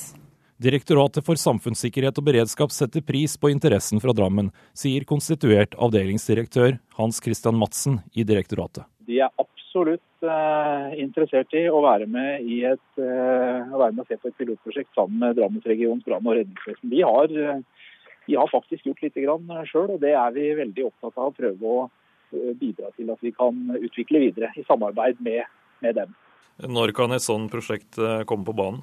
Vi har til eh, hensikt å prøve å komme i gang med dette her eh, i løpet av dette året i hvert fall. Så får vi se når. Det får heller komme tilbake til seinere. Burde begrepet brannmann fjernes? Ja, og vi prøver å bevege oss bort fra den. Hos oss heter brannkonstabel. Ja, til slutt her hørte du Karin Solberg. Reporter var Knut Brennhagen. Dette er Nyhetsmorgen, som eh, har Silje Katrine Bjarkøy som produsent i dag. Her i studio, Øystein Heggen. Etter Dagsnytt så skal vi høre at myndighetene i Guatemala vurderer å legalisere narkotika som et virkemiddel i kampen mot narkotikakartellene. Rømmer statsministeren unna debattene, slik KrF-leder Knut Arild Hareide skriver i en kronikk i Verdens Gang i dag? Ja, det ble et av temaene i Politisk kvarter.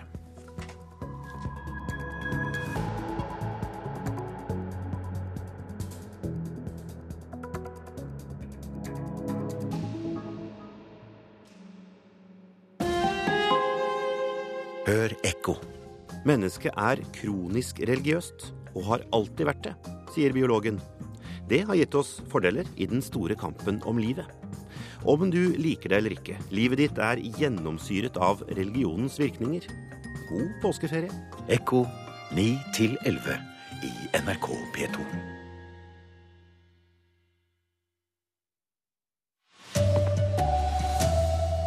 Norge vil være med å redde regnskogen, men bruker 30 ganger mer på industrien som skader den.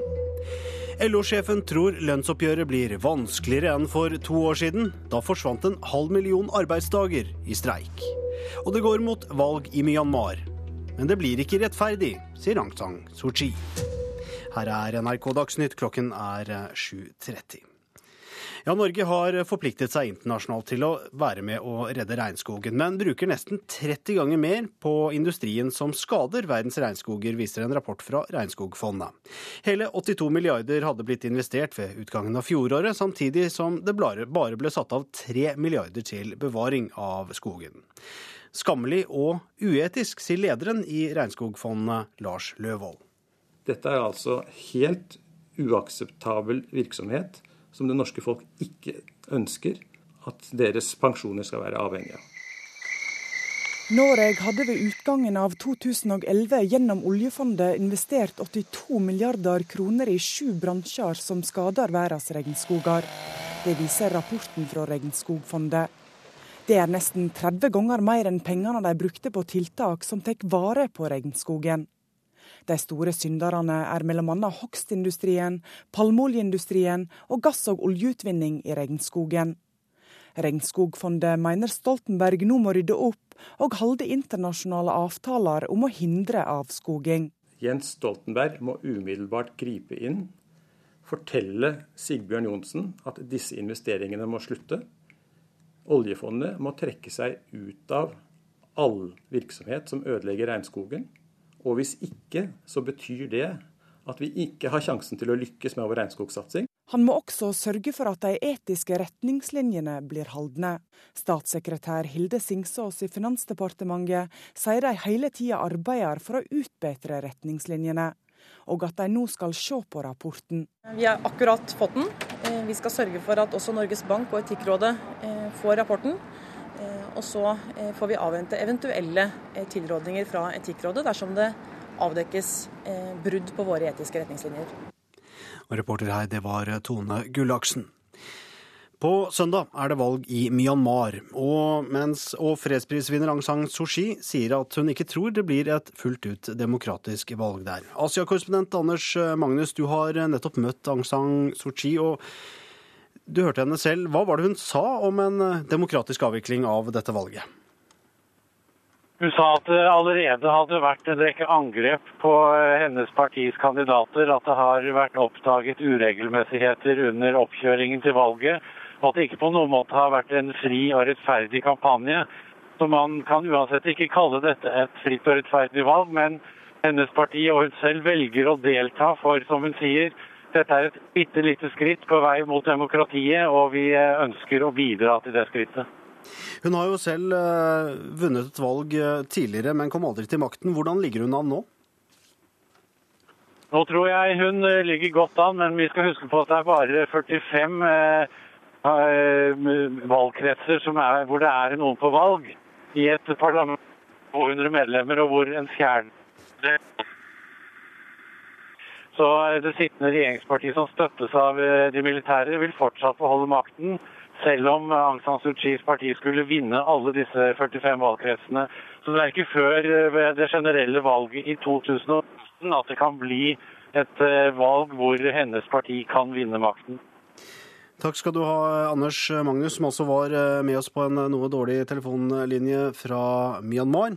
Vi skal til Norge nå, for LO-leder Roar Flåten synes årets lønnsoppgjør har fått en vanskelig start. Håpet om at de ansatte og arbeidsgiverne skal bli enige uten streiker, er derfor mindre enn for to år siden. For da endte lønnsoppgjørene med tolv konflikter og en halv million tapte arbeidsdager. Når arbeidsgiverne har vist så manglende vilje til å være med og finne noen løsninger i forhandlingene, så kommer jo bruddet i forhandlingene kanskje noe tidligere enn man hadde forventa, men det er, altså, illustrerer jo alvoret i situasjonen. Da lønnsforhandlingene brøt sammen onsdag, var det tidligere enn mange ventet, inkludert LO-lederen. Derfor er jo spenningen rundt denne meglinga veldig stor. For dette, det resultatet her vil også få følger for de som kommer etter.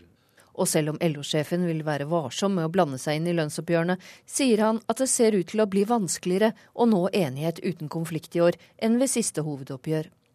Det var for to år siden, og det endte med tolv konflikter og en halv million streikedager. Det er alltid vanskelig å forutsi om det blir streik i det hele tatt. Forrige oppgjør så kan vi konkludere i ettertid at eh, da fikk vi flere konflikter enn det man kanskje tenkte seg. Og vi fikk store konflikter. Du sier det ser vanskeligere ut nå enn forrige hovedoppgjør, som var to år tilbake. Ja, det er iallfall eh, spenninga rundt dette oppgjøret er iallfall ikke noe mindre. Det kan han nok ha rett i. Sier Fafo-forsker Kristine Nergård Vi kan nok forvente at det kommer noen konflikter. Om det blir så mange som i 2010, det er vanskelig å si. Reporter her, det var Hedvig Bjørgum. Verken statsminister Jens Stoltenberg eller tidligere justisminister Knut Storberget kommer til å bli kalt inn som vitner av forsvarerne i terrorsaken. Det sier forsvarer Geir Lippestad. Det betyr at forsvarerne kommer til å legge mindre vekt på spørsmålet om beredskapen var for dårlig før terrorangrepene. Og det er ventet at forsvarerne legger fram vitnelisten sin i dag. En stor jerndør åpnes ved Ila fengsel. Forsvarerne til Breivik er på vei inn. Vinduene i mursteinsveggene i fengselet kan så vidt skimtes utenifra. Der inne venter Breivik. De har hatt mange slike møter siden han ble fengslet. Siden har forsvarerne måttet hive om på mange av planene sine. I fjor høst sa de at spørsmålet om beredskapen ville kunne bli brukt i Forsvaret av Behring Breivik under rettssaken. Nå bekrefter Lippestad at verken Jens Stoltenberg, Knut Storberget eller AUF-leder Eskil Pedersen vil bli kalt inn som vitner. Lippestad erkjenner at det har vært diskusjoner mellom han og Breivik om hvem de skal stevne i rettssaken. Det har vært en, eh, naturlig nok en diskusjon over, eh, over en tid. Vi har forskjellig fokus. Vi har nok et rettslig fokus, selvfølgelig, på denne saken.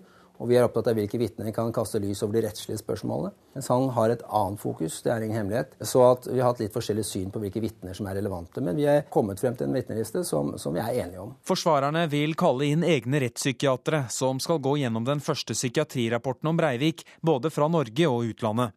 I tillegg vil sykepleiere og helsepersonell som har deltatt i observasjonen av ham i fengselet, bli kalt inn, blant dem psykiateren Randi Rosenkvist, som tidligere har sagt at Breivik er strafferettslig tilregnelig. Forsvarerne har også kalt inn islamisten mulla Krekar som vitne i saken. Sa reporter Haldor Asvald. Bodø kommune kjøper PR-rådgivere for å komme i kontakt med politikerne i Oslo. Det selv om stortingsflertallet ikke vil ha jagerflybasen i Bodø, så vil ordføreren ha omkamp. Det er bortkasta penger, sier Arbeiderpartiet.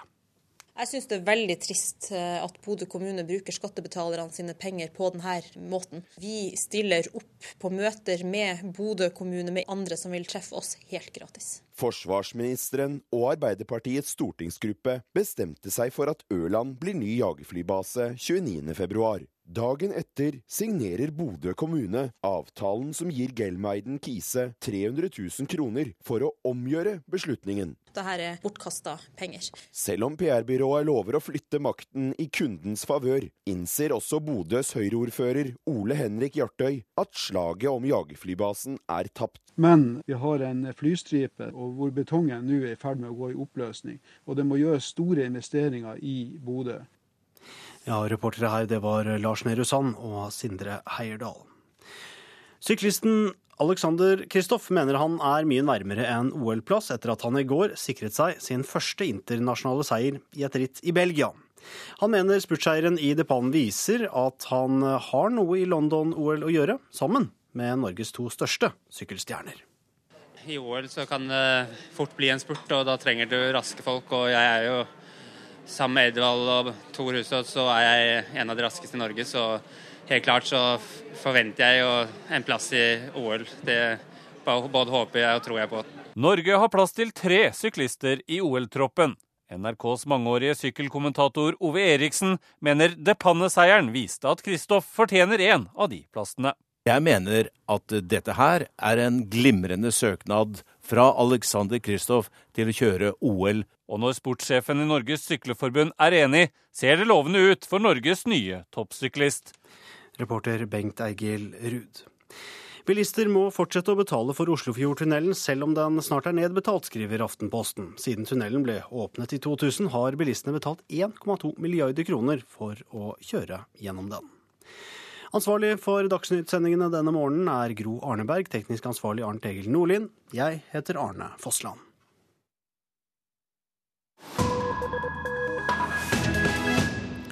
Dette er Nyhetsmorgen.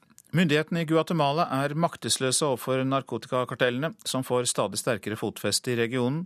Nå vil presidenten i Guatemala få de andre latinameriske landene med på å diskutere legalisering av narkotika som et virkemiddel i kampen mot kartellene.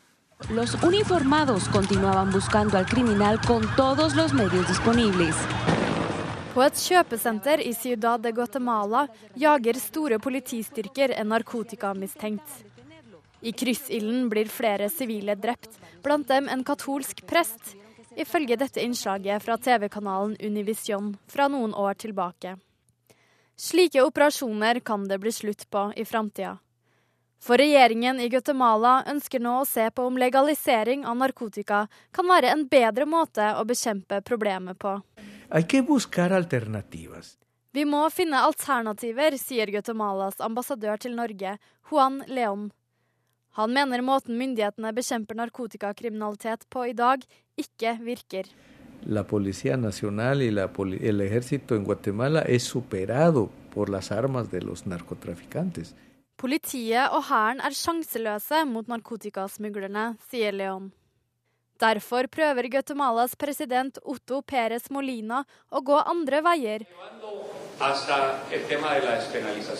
Under et sentralamerikansk toppmøte forrige helg ville Perez Molina diskutere avkriminalisering av narkotika som en av metodene for å bekjempe det stadig økende problemet i regionen. Men så langt har han ikke lykkes, mener førsteamanuensis i statsvitenskap og leder av Norsk nettverk for latinamerikaforskning, Benedicte Bull. Ja, Det har jo ikke gått så veldig bra. Til nå har man bare fått støtte fra Costa Rica. Ambassadør Juan Leon er enig i at det har vært vanskelig å få andre med på forslaget. Hay países eh, como Estados Unidos Leon forteller at bl.a. USA har lite forståelse for at man kan bekjempe narkotika på andre måter enn det man gjør i dag. Benedicte Bull er enig i at USAs motstand gjør det vanskelig for Guatemala å bygge en allianse for å diskutere en alternativ narkotikapolitikk. USA er jo helt steilt imot dette, og har nå sendt eh, flere representanter til regionen for å prøve å bygge en, en koalisjon eh, mot Guatemalas forslag. Men i likhet med sin president er ambassadør Juan Leon overbevist om at det må drastiske tiltak til for å minske de alvorlige konsekvensene den økende narkotikatrafikken har i regionen. Uskyldige kvinner og barn blir drept som en konsekvens av narkokrigen, sier Leon. Guatemalas drapsrate er blant verdens høyeste, og en stor del av drapene er relatert til narkotikakriminalitet. Benedicte Bull mener det også kan være andre motiver bak president Otto Perez Molinas radikale forslag. Mange mener at dette er et spill i forhold til USA. Han ønsker at USA skal oppheve det, eh, den stoppen av militær bistand til Guatemala som de har innført for en del år siden. Og eh, gir nå et signal. Hvis ikke dere gir oss mer støtte i denne kampen, så kommer vi til å gå en helt annen vei.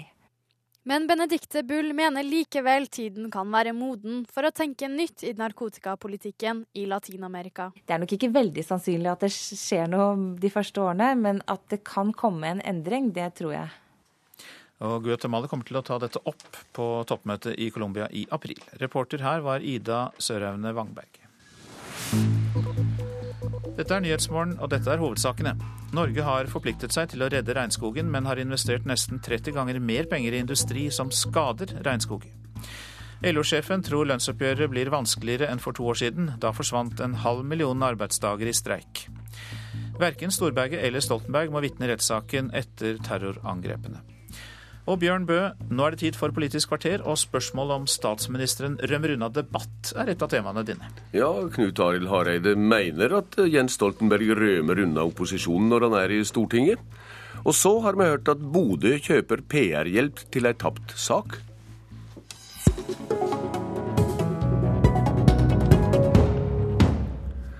Vi har en statsminister som er så redd for å miste regien at han rømer unna debatt. Det liknar på arroganse. Denne breisida kommer fra lederen i Kristelig Folkeparti, Knut Arild Hareide, i en kronikk i Verdens Gang i dag. Hareide, hva er det som plager deg? Ja, Det som plager meg, det er at i etterkant av spontanspørretimen, så har vi nå opplevd de siste gangene at statsministeren eh, istedenfor å bli med på en åpen debatt i vandrehallen, som alle statsministre har vært med på i etterkant av at vi innførte spontanspørretimen. Vi innførte den eh, i forrige århundre, og i etterkant av spontanspørretimen så har vi hatt en god, åpen politisk debatt òg i vandrehallen. Eh, det syns jeg har vært en positiv eh, tradisjon. Det har vært med på å mm. gi debatten som vi har hatt i spontanspørretimen, en enda større vekt. Nå velger statsministeren å gå bort fra det prinsippet. Det har ingen statsministre gjort før han, og det syns jeg er beklagelig. Kan du virkelig mene at dette er et demokratisk problem? Det blir iallfall mindre åpenhet når statsministeren gjemmer seg i et rom som ikke jeg har tilgang til. Jeg får ikke vite hva han eh, ønsker å si, og han er tross alt eh, i Stortinget. Eh, da bør han være med på en åpen debatt. Jeg har lyst til å vise til hva statsminister Bondevik gjorde. Han stilte i spontanspørretimen. Han var med på den åpne debatten med opposisjonsledere og eventuelle andre aktører som var til stede i vandrehallen. Og så hadde han en egen pressekonferanse på statsministerens kontor noen timer i etterkant, eksempelvis klokka ett. Hans Christian Amundsen, du er statssekretær og presseansvarlig ved statsministerens kontor. Hvorfor driver dere med denne regien for statsministeren når han er i Stortinget? Fordi det er mest hensiktsmessig. å huske på Hensikten med at statsministeren er i Stortinget er da todelt. Det viktigste, han deltar i spontanspørretimen inne i salen. Der svarer statsministeren på de spørsmål politikere i Stortinget måtte ha opposisjonen. Deretter går statsministeren til et uh, egnet rom like ved, har en pressekonferanse der pressen, journalister, får stille akkurat de spørsmål de ønsker, og får svar på alle de spørsmål de eh, måtte ha, noe de lurer på. Men ser du ingen poeng i det Hareide skriver og sier? Jeg syns nok uh, Knut Arild Hareide kanskje tar litt vel i når han bruker Grunnlovens paragraf 100, snakker om frykt og arroganse og flukt. Men det er klart, i en ideell verden så skulle man nok få gjort alt. Men det viktigste med eh, at eh, eh, statsministeren er i Stortinget, er å stille opp i etterkant av spørretimen for pressen. Det får han gjort. I denne pressekonferansen, som er på ordinært vis får 20 journalister svar på 20 spørsmål. Alle lytter til spørsmål, alle til svar. Det er tid til refleksjon. I vandrehallen, som var ganske kaotisk, var det gjerne slik at fem TV-team fikk stille de fem samme spørsmål i rekkefølge og få hørte svar. Elisabeth Skarsbø Mone, du er leder i Stortingets presselosje. Eh, handler det Hareide framfører mer om navlen hjå toppolitikere og journalister enn om det offentlige ordskiftet?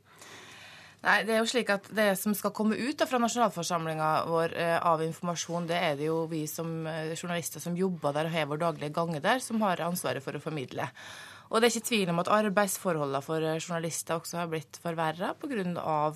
det som Hareide her tar opp. Det er slik at det blir stadig flere informasjons medarbeidere av typen Amundsen her, både offentlig og privat, og som ønsker en regi med hvordan informasjonen skal komme ut. Og jeg ser disse tiltakene her med å flytte konferansen til statsministeren inn på statsrådssalen som et ønske om en slik regi. Hareide tar jo opp her at Stoltenberg har blitt konfrontert bl.a. med både mm. Ja, folk med Downs syndrom i vandrehallen, og asylbarnsaker kunne også bli problematisk. Og jeg tror at man ønsker å unngå, unngå slike situasjoner og den type TV-bilder. Samtidig så er det jo slik at Media har stadig færre ansatte, men vi skal produsere levende bilder både på internett og i ettermedia. Og det gjør at eh, det er et ønske om å ha ett TV-team på arbeid, og nærmere kunne ta intervju en posisjon og posisjon samtidig, for å få fra begge sider av ei sak. Når Amundsen og statsministeren da flytter inn på et eget rom, så flytter journalistene etter dit. Og dermed fører ikke opposisjonen sitt budskap ut i like stor grad, og media får ikke formidla det. Og det er problematisk når vi har en flertallsregjering. Ja, Amundsen, har flertallsstatsministeren blitt maktarrogant? Nei, altså det er klart. Eh, Moen må gjerne mene det, men jeg kan da virkelig ikke si at det er grunnlag for å si noe slikt. Statsministeren deltar i mange debatter. Han stiller i intervju gjennom hele uka hver dag. Han reiser, treffer mye folk og er åpen og tilgjengelig. Mm. Jeg tror nok at Skarsbø Moen vil se ved en sammenligning med andre land at vi i Norge har en tradisjon der statsminister, politikere er til stede i debatter i stor grad. Men bare for å si én ting, for det er en viktig misforståelse som, eh, som Knut Arild Hareide eh, skriver skriver i sitt innlegg at den endringa vi har gjort, har noe som helst å gjøre med møtet med Marte. Det er ikke slik. Det må jeg si kategorisk. Det er ikke slik. Dette er gjort uh, i den beste hensikt for å gjøre tilgangen, tilgjengeligheten til et samla pressekorps mer hensiktsmessig. Det er velment, uh, Skarsby Moen. Ja, jeg syns det er interessant uh, argumentasjon. fordi at uh, Vi i Presselosjen har jo hatt et møte med Amundsen for å ta opp på vegne av flere av våre medlemmer at jeg mener arbeidsforholdene er blitt verre. Men Amundsen står jo på sitt, og det er det jo Amundsen som da tar på seg her å definere hva som er gode arbeidsforhold for oss. Og det er jo veldig interessant og kanskje litt rørende, men samtidig så er det nok slik at det er media som vet best slags arbeidsforhold vi ønsker. Og når det ikke blir lytta til slike ønsker, så er ikke det selvfølgelig ikke noe annet uttrykk for at man ønsker her kontroll, slik jeg tolker det. Eh, mm. Vi, jo, vi, kom til en uh, litt forståelse med Amundsen uh, i det møtet om å, å, en litt økt tilgjengelighet ja, til statsministeren. Ja, dere har hatt et møte om dette, forstår jeg. Ja, det gjør vi. Så, vi skal, så statsministeren ønsker å møte pressa litt oftere nå, men det å få tilbake disse møtene i vandrehallen, det har han avvist totalt. Mm. Ja, jeg syns jo det er veldig rart her når statsministerens kontor sier at de har gjort dette for å forbedre vilkårene for pressen for å få en større ryddighet, og så ønsker ikke pressen dette. Eh, jeg syns òg det er viktig det som kommer fram her, at eh, dette gir eh, opposisjonen mindre mulighet òg til å komme til orde. Og det blir jo på en måte òg bekrefta her av pressen, at de velger å gå etter statsministeren. Og da får du ikke en god, åpen debatt når det er bare den ene sida som kommer til, til orde. Så ligger det òg slik at i spontanspørretimen så er det alltid statsministeren som har siste ord. Eh, og Derfor så vil jeg si debatten i etterkant av spontanspørretimen òg er demokratisk eh, viktig. Mm. Så er det jo tydelig her at det er vanskelig for eh, statsministeren og statsministerens kontor at det blir knytta opp til enkeltsaker. Jeg har nevnt Marte Goksøyr som, som, et eksempel. Det er ei flott jente med Downs syndrom som møtte statsministeren. Og det, jeg tror nok det har vært en av de episodene som har gjort at statsministeren har valgt å forandre for å få en bedre kontroll. Mm. Men jeg tror det er viktig at statsministeren tør møte eh, mennesker eh, som er opptatt av den politikken han fører, som blir berørt av den politikken han fører. Og nettopp vandrehallen har vært en viktig demokratisk arena. Den ønsker nå statsministeren å gjøre mindre viktig, og det beklager jeg. Amundsen eh, Skarsbø Moen har på et vis eh, fortalt om din konklusjon når det gjelder denne saka her, men i hva grad, jeg spør deg også, er du villig til å la deg presse til å endre praksis? Vi har lagd en praksis som vi har eh, gjennomført nå to-tre ganger i høst. Det er etter vår vurdering eh, en god ordning, og må bare nyansere bildet som Skarsbømoen tegner her. Blant hennes medlemmer er det flere som eh, tar åpent til orde sier at dette er en god ordning, fordi de får bedre vilkår. De får lytte, de får reflektere, de får stille spørsmål i større grad enn de fikk i Vandrehall, der TV-timer fikk dominere NRK, TV 2, etter hvert Aftenposten TV, VGTV, Dagblad TV.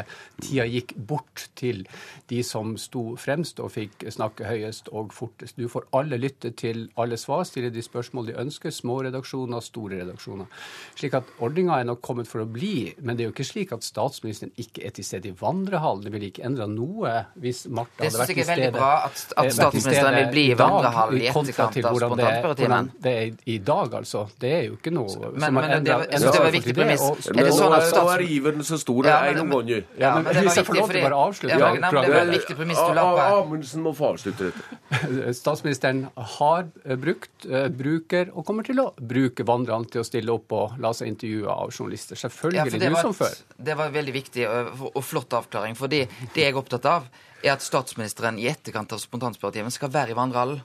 Eh, og hvis det statssekretæren her nå sier at han vil være der, og så da i en i etterkant gå til uh, dette rommet, så vil det være veldig mye bedre. Og det er jeg veldig glad for å bli bekreftet nå av statssekretæren. Det, det, høres ut som her blir pressekonferanser hele døgnet, Skarpemoen. Er det en bra løsning? Nei, det er selvsagt slik at det er mange måter pressa er interessert i å ha kontakt med statsministeren på. Og vi får vel, eh, det er mitt inntrykk, i hvert fall nå jobber vi nok et stort medium, at vi får jo tilgang når vi ber om det i stor mulig grad. Jeg strekker seg jo selvfølgelig for det.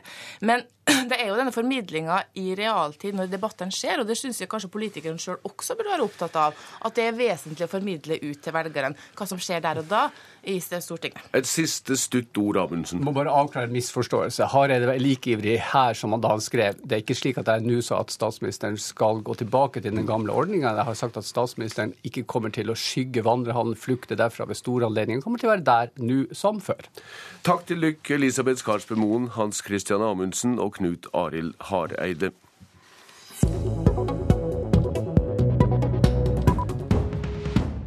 Vi har fått eh, bistand i forhold til eh, pressekonferanse, vi har fått eh, bistand i forhold til kronikkstrategier på dette. Og det, vi fall på det strategiske så har, vi, har dette vært nyttig for oss. Ordfører Ole Henrik Hjartøy og Bodø kommune har kjøpt PR-hjelp for 300 000 kroner i ei alt tapt sak om hovedbase for kampfly. Dette er å kaste bort skattebetalernes penger, har vi hørt parlamentarisk leder i Arbeiderpartiet Helga Pedersen si tidligere i dag. Hva sier du, Ivar Kristiansen, stortingsrepresentant for Høyre i Nordland? Nei, Bodø ligger veldig langt unna riksmedias hovedadresse. og Dette er en sak som ikke følges dag til dag. og jeg må jo si det at Helga Pedersen alene, som vel bruker fem til ti ganger mer alene på, på kommunikasjonsrådgivere enn Bodø kommune til sammen, eh, mener altså at Bodø kommune ikke skulle bruke alt som sto i deres makt for å redde eh, rundt 3000 berørte personer, 3000 arbeidsplasser. Men saka er tapt? Saka er jo nettopp eh, presentert fra regjeringen. Kom eh, for noen dager siden til Stortinget. Det er nå vi begynner å jobbe med, med saken. Og, og, bare for å si det, altså når, når alle disse negative pakkene om Bodø kom, og Bodø ligger langt i nord, langt unna riksmedia, så, så, skulle det bare mangle at man ikke måtte søke eksperthjelp. Man har vel antagelig brukt 5 i, i, i, denne typen hjelp i forhold til den såkalte foreløpige vinneren, eller den permanente vinneren, det vet jeg ikke. Men med bakgrunn i den debatten du nettopp har avslutta, så, så, Helga Pedersen, som, som representerer regjeringspartiene, som bruker alene 1 milliard på kommunikasjonsrådgivere som har henta inn Nordlys-redaktøren, betalt av skattebetalernes penger. Dette, dette kan jo ikke mene at ikke Bodø kommune skulle gjøre det som var mulig, av hensyn til 3000 arbeidsplasser. Stortingsrepresentant for Arbeiderpartiet Svein Roald Hansen, du er som Kristiansen med i forsvarskomiteen i Stortinget. Da de stortingsgruppe sa ja til kampflybase på Ørland, da var vel alt over? Ja, Men det er ikke poenget i denne saken. Uh, poenget er at en kommune trenger ikke å bruke uh, profesjonell hjelp for å komme i kontakt med oss på Stortinget. Komiteen har vært på Bodø, komiteen har vært på Ørland.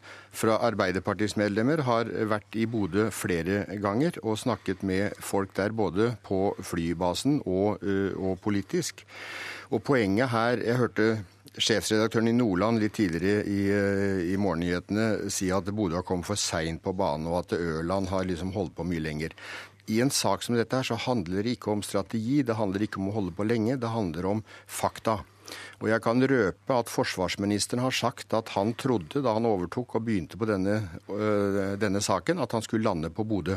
Så det er fakta. Ørland er en bedre base enn øh, Bodø. Mer velegnet til den oppgaven den skal løse. Og det kan ingen PR-byråer øh, eller strategier endre på. Ja, Kristiansen, Svein Roald Hansen, han røper, som han sier, nærmest militære løgndommer her. Men en trenger kanskje ikke PR-hjelp for å telefonere sine partifeller på Stortinget? Det, det er lite Svein Roar Hansen og, og Barth Eide og kompani har brukt mer enn kommunikasjonsrådgivere betalt av den norske stat i denne saken.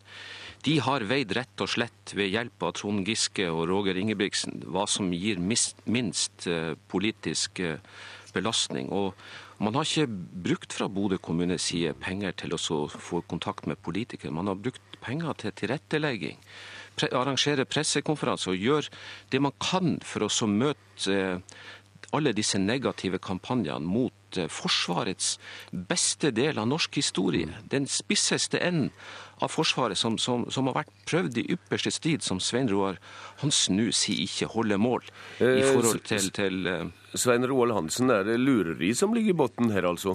Nei, nå skal Ivar Kristiansen gå inn i de fakta som ligger i regjeringens forslag. Så får vi se når han har satt seg inn i de realitetene, om han påstår også da at dette her handler om Trond Giske men, men, men, Det er bare Svein, tull, Ivar. Ivar. Det er bare du, Svein Roald Hansen, tull. Eh, jeg registrerer at eh, du og, og, og, regjeringspartiene konkluderer før Stortinget har fått saken. Så, ja. så jeg, jeg, vil ikke si om, om begrepet tull er, er, er dekkende her. Det som, ikke, det som ikke er tull, Ivar Kristiansen, det er at du fikk fram din budskap nå, og Politisk kvarter er faktisk slutt. Jeg heter Bjørn Bø.